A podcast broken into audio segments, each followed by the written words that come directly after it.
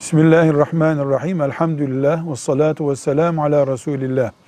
Yahudi malı almak aslında haram değildir. Resulullah sallallahu aleyhi ve sellem Efendimiz Yahudilerle ticaret yaptı. Kitaplarımızda Yahudi ile Hristiyanla ticaret haramdır diye bir kural yoktur. Stratejik olarak Müslümanların Yahudilerin, Hristiyanların, İslam'a düşman olanların ekonomik güçlerinin büyümemesine, hatta Müslümanların geride kalmış olmalarına gayret etmeleri gerekir. Emredilen budur.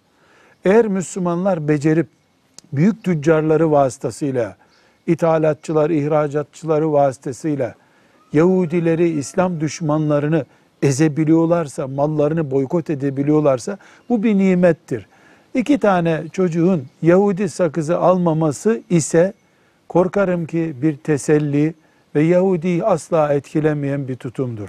Meseleyi büyük çapta alabilirsek çok güzel ama esasen bu yasak değildir.